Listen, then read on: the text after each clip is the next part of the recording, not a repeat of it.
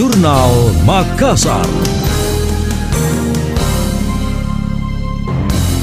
Saya Emil Faris dalam Jurnal Makassar. Sebanyak 179 warga yang mengantongi sertifikat vaksin COVID-19 palsu bebas berkeliaran di tengah masyarakat. Pengguna terbebas jeratan hukum dan hanya dipanggil pemerintah untuk mengikuti program vaksinasi. PLT Kepala Dinas Kesehatan Makassar Nur Saida Sirajudin mengatakan mereka telah berhasil diidentifikasi karena terdata. Seluruhnya telah dipanggil dan sejauh ini ada 20 orang yang telah disuntik. Sanksi pidana mengancam pihak pengguna dokumen vaksin palsu sesuai dalam Undang-Undang ITE. Ancaman hukuman 12 tahun penjara kita sudah dapat pelakunya, otomatis nomor telepon yang 179 itu ada pada mereka ya. Jadi itu antisipasi dari Dinas Kesehatan karena jangan sampai ada image, ada asumsi bahwa beberapa masyarakat divaksin meningkat uh, angka vaksinasi tapi tidak divaksin itu yang kami akan redam. Makanya semua yang 179 melalui uh, penangkapan ini kami minta nomor HP-nya untuk kami datangkan ke puskesmas pelacakan kita vaksin kembali.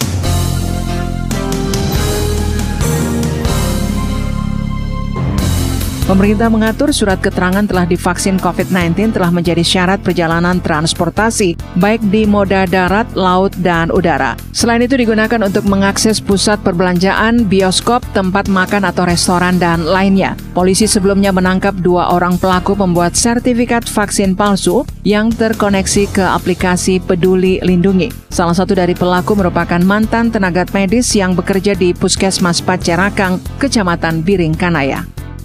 Anda masih mendengarkan Jurnal Makassar dari Radio Smart FM.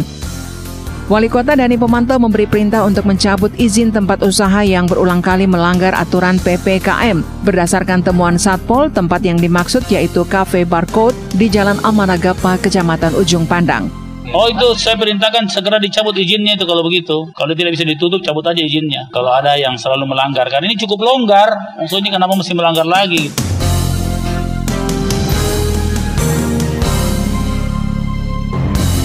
Sebelumnya Satpol PP mengusulkan pemberian sanksi berupa pencabutan izin usaha terhadap barcode. Kafe itu sudah tiga kali melakukan pelanggaran protokol kesehatan. Senada disampaikan Camat Ujung Pandang Andi Pateware yang juga masuk dalam tim penertiban. Bentuk pelanggaran seperti melebihi jam operasional di masa pemberlakuan pembatasan kegiatan masyarakat PPKM. Penindakan berupa penutupan paksa telah berulang kali dilakukan setelah petugas pergi tempat usaha itu kembali buka.